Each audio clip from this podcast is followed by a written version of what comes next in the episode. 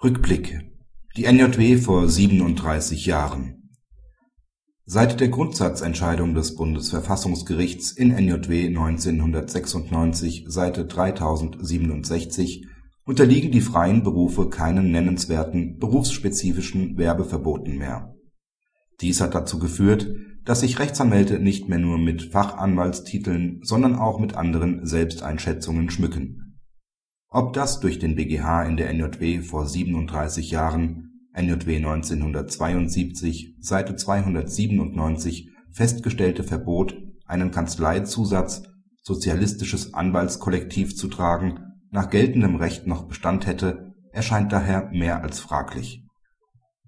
Anders könnte die Konstellation zu beurteilen sein, wenn Rechtsanwälte mit einer D-Grad-Zertifizierung werbend am Markt tätig sind so beschreibt Christian Dahns in NJW Spezial Heft 3, das der aktuellen NJW beiliegt, dass die Rechtsanwaltskammern das Führen dieses Zertifikats mangels Qualitätsnachweises für irreführend erachten. Vorsicht bei der Anpreisung eigener Leistungen ist aufgrund der Schranken des UWG somit weiterhin angesagt